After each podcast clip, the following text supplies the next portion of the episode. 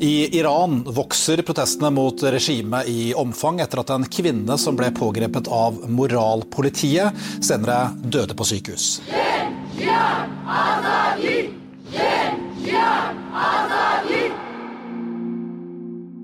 16.9 dør Masa Amini kort tid etter at moralpolitiet har arrestert henne.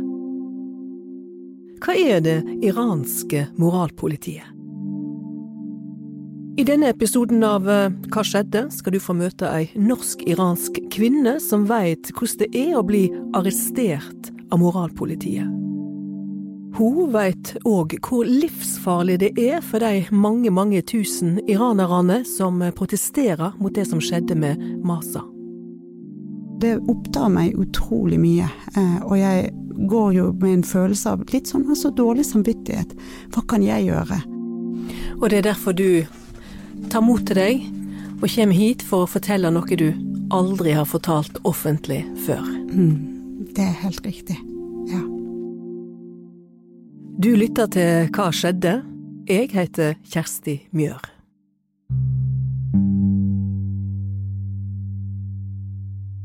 Jeg heter Elham Bagistan. Jeg er 54 år gammel og jeg er opprinnelig fra Iran har bodd nå i Skandinavia, kan vi jo si. Danmark og Norge. De, altså siden 1988. Flyktet fra Iran da jeg var 18 i 1986, og har ikke vært tilbake i Iran. Hva hadde skjedd om du hadde dratt tilbake, tror du? Jeg har hatt litt sånn onde opplevelser, og det sitter veldig langt inne. Kanskje den der lille, lille, lille prosenten som tilsier at det kunne ha skjedd noen ting. Jeg klarer ikke å kjøpe den risikoen. Så det har endt opp med at jeg har bare ikke gjort det. Jeg går og venter på den dagen eh, som eh, kanskje den regimen ikke finnes, sånn at jeg kan reise tilbake. For jeg har veldig lyst til å reise tilbake.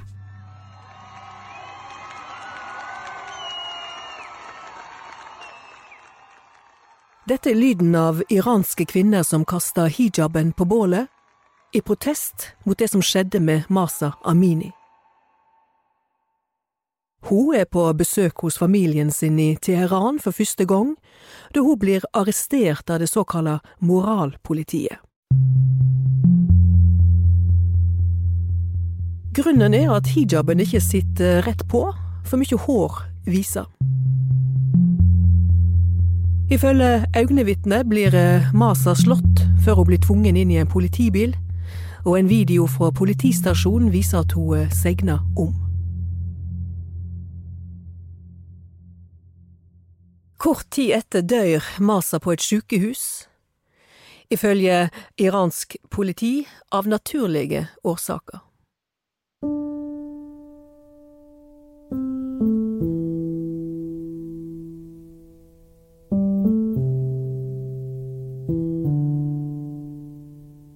Alle dager er dette iranske moralpolitiet?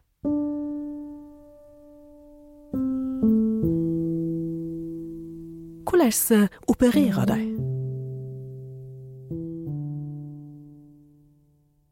Det er både kvinner og menn som sitter i noen sånne biler og kjører rundt i byen for å holde moralen til befolkningen i sjakk.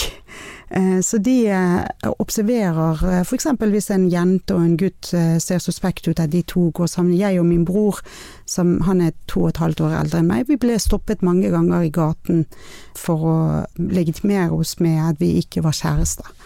Så det, og pluss at hvis kvinner går med noe som ikke er helt sånn akseptert eh, hijab, så kan de òg bli stoppet. Ja, altså for å vise at de må på en måte settes på plass, eller de må vises hvordan de ellers skal kle seg, og hvordan de skal oppføre seg i samfunnet som et akseptabel oppførsel i et islamisk samfunn. da.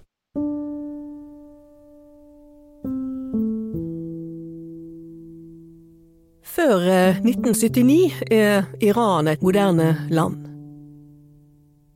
Iranske kvinner kan gå i bikini, korte skjørt, og de kan gå på bar. Så kommer revolusjonen og snur opp ned på alt. Sjahen flykter, Og inn kommer ayatollah Khomeini med sitt eh, islamske prestestyre. Alle iranske kvinner må gå med hijab og dekke til hvert eneste hårstrå.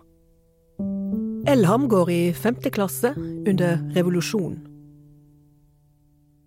Og det ble liksom nesten sånn over natten eh, ble det sånn et eh, obligatorisk hodeplagg for alle jenter og damer. Og, og, i begynnelsen så var det mange som nei, nei, dette går jeg ikke med på, men så veldig fort viste det seg at det var ikke et valg, og det var veldig hard straff hvis du ikke gikk med på det. Så straffen kunne jo bestå av fengsel, det kunne bestå av piskeslag, det kunne bestå av eh, tortur. Um, så, så, de var veldig skremmende, både disse her Ja, altså de kunne jo bruke vold eh, med å arrestere deg og sette deg i fengsel, og du er jo veldig hjelpeløs i et sånn eh, system, der hvor du ikke føler at du har noe rettsapparat rundt deg som kan forsvare deg.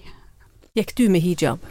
Ja, jeg eh, gikk da med hijab eh, da vi var ute. Jeg var ikke eh, Jeg hadde ikke noen sånn familie som var veldig konservativ religiøs familie. Hadde jeg ikke så innenfor husets fire vegger så brukte jeg ikke hijab, og vi levde akkurat sånn som de fleste andre her i Europa kunne ha levd. Og vi hadde våre frie tanker, vi kunne snakke, vi kunne ha kjæreste, vi kunne ha um, Ja. Det var, det var, sånn vi levde. Men da vi gikk ut, så måtte vi bruke hijab fordi av frykt for å bli tatt og bli torturert, og, og altså ikke komme videre. Jeg hadde jo et veldig sånn høy mål for at jeg måtte komme til universitetet, og det kunne også være forhindring hvis jeg hadde noe på rullebladet, eller hvis folk ikke antok tok meg som en, å være en god muslim, da. Så jeg brukte hijab, og det var da vi gikk på skole, så ble vi jo kroppsvisitert hver morgen vi kom inn på skole. Og de sjekket veskene våre, vi ble sjekket fra topp til tå at vi hadde hijaben i orden. Selv hvis vi gikk med mm, sokker som hadde farge på, ble vi stoppet og sendt hjem igjen. Det var ikke lov å vise noe sånn um, Ja, altså, hva skal man si Det var jo 80-tallet, så det var jo veldig sånne eh, eh, stramme eh, bukser eh, var veldig moderne, og det hadde vi også veldig lyst til som ungdommer, men det fikk vi faktisk ikke lov til, så Og dette var i kampen mot eh, vestlig moralødeleggende innflytelse? Farger på sokkene og Ja, farger på sokkene og, og musikk og dans, og det var jo nesten sånn føltes som om et glede Altså alt som gjorde deg glad, eller du kunne være glad for, eh, eller Ja, det, det var ikke lov. Hvordan er det å leve i et slikt eh, terrorregime? Det er en slags avmakt. Altså, du eh, kjenner jo på at du eh, har ingenting å si. Og det er veldig sånn Føler det er litt sånn dobbeltmoralsk, for du går jo hjem og lever på en helt annen måte. Du tenker noe annet, du, du sier noe annet, og så går du bare rett utenfor døren, og da må du passe på hele tiden hvem du snakker til, hvem du eh, omgås, hvordan du skal oppføre deg, hva du skal ha på deg. Så det er et veldig sånn dobbeltliv eh, du lever med. Og så er det jo en frykt. Du er jo veldig redd for å bli tatt. Elham er 16 år og på sommerferie i en annen by.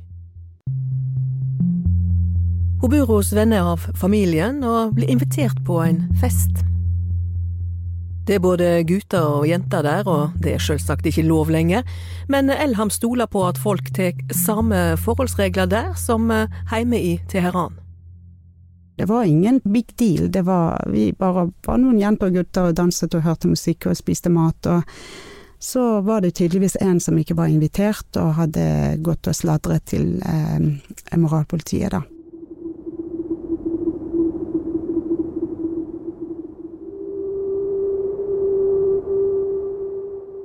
Så da ble det ringt på døren, og så kom de bare inn. Og så arresterte de oss alle sammen. Da hadde de en minibuss til jenter og en minibuss til gutter, og transporterte oss til eh, lokale liksom eh, politistasjonen og holdt oss i varetekt i tre dager. Eh, jenter for seg selv og gutter for seg selv, og vi visste jo ikke hva som skulle skje. Eh, min familie var faktisk på et sommerhus utenfor byen, og de eh, var ikke med. Og de visste, de visste at jeg skulle på en fest, men de visste heller ikke at jeg var arrestert.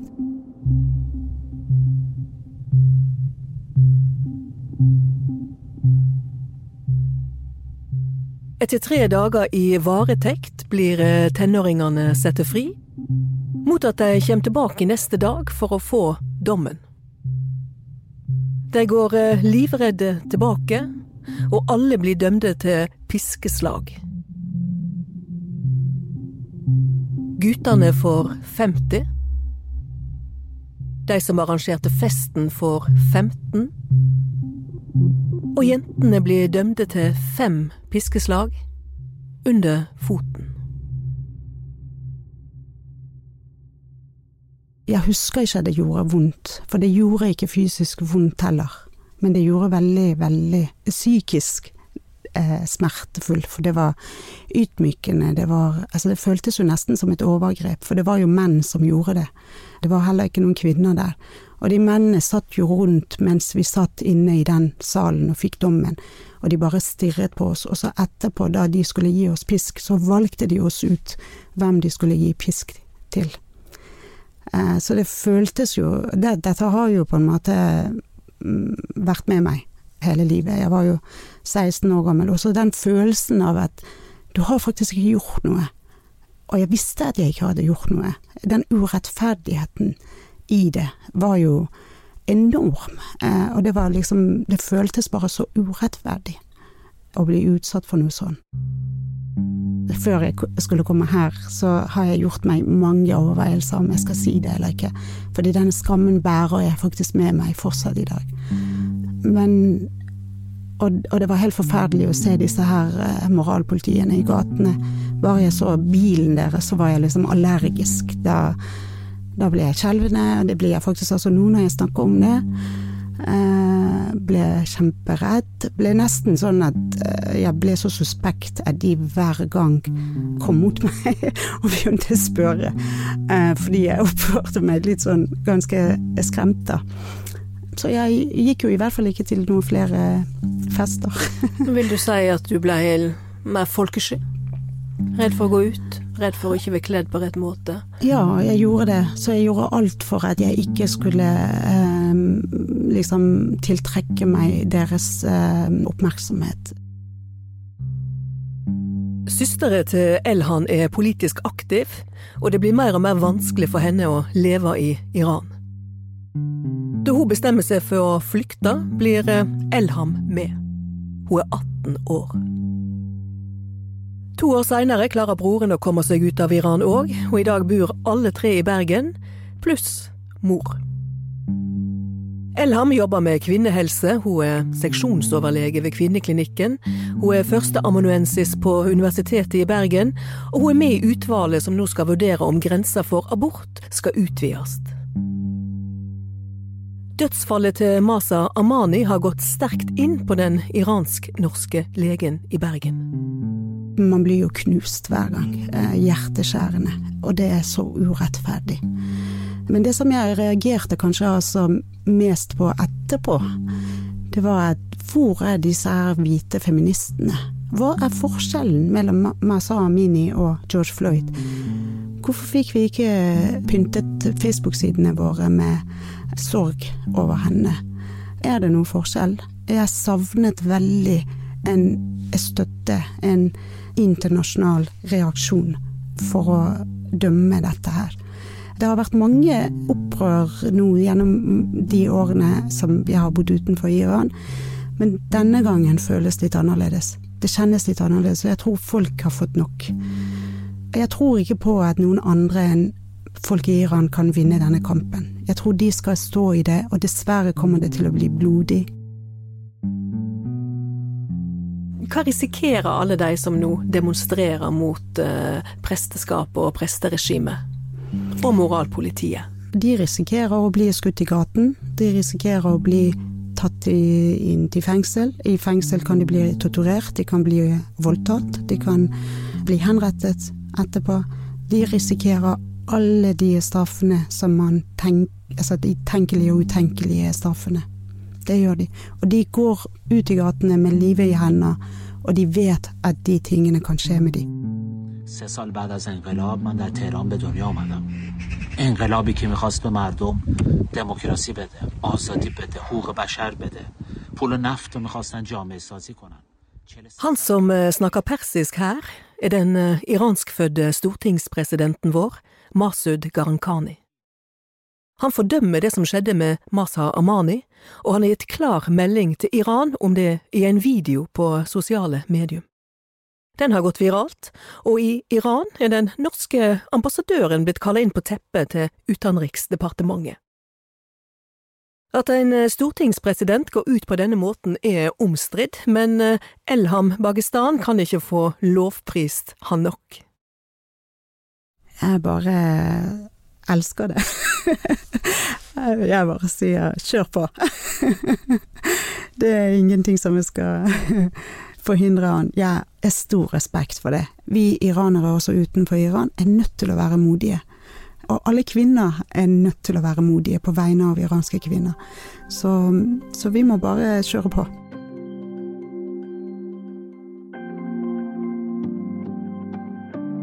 Du har hørt eh, lyd fra video av eh, protestene i Iran som er lagt ut på Twitter, og nyhetsklipp fra NRK og nyhetsbyrået Ap. Har du tips, ris eller ros til oss, så skriv til oss på hva skjedde, krøllalfa, bt.no. Produsenten for denne episoden er Anne Offstad, og jeg er Kjersti Mjør.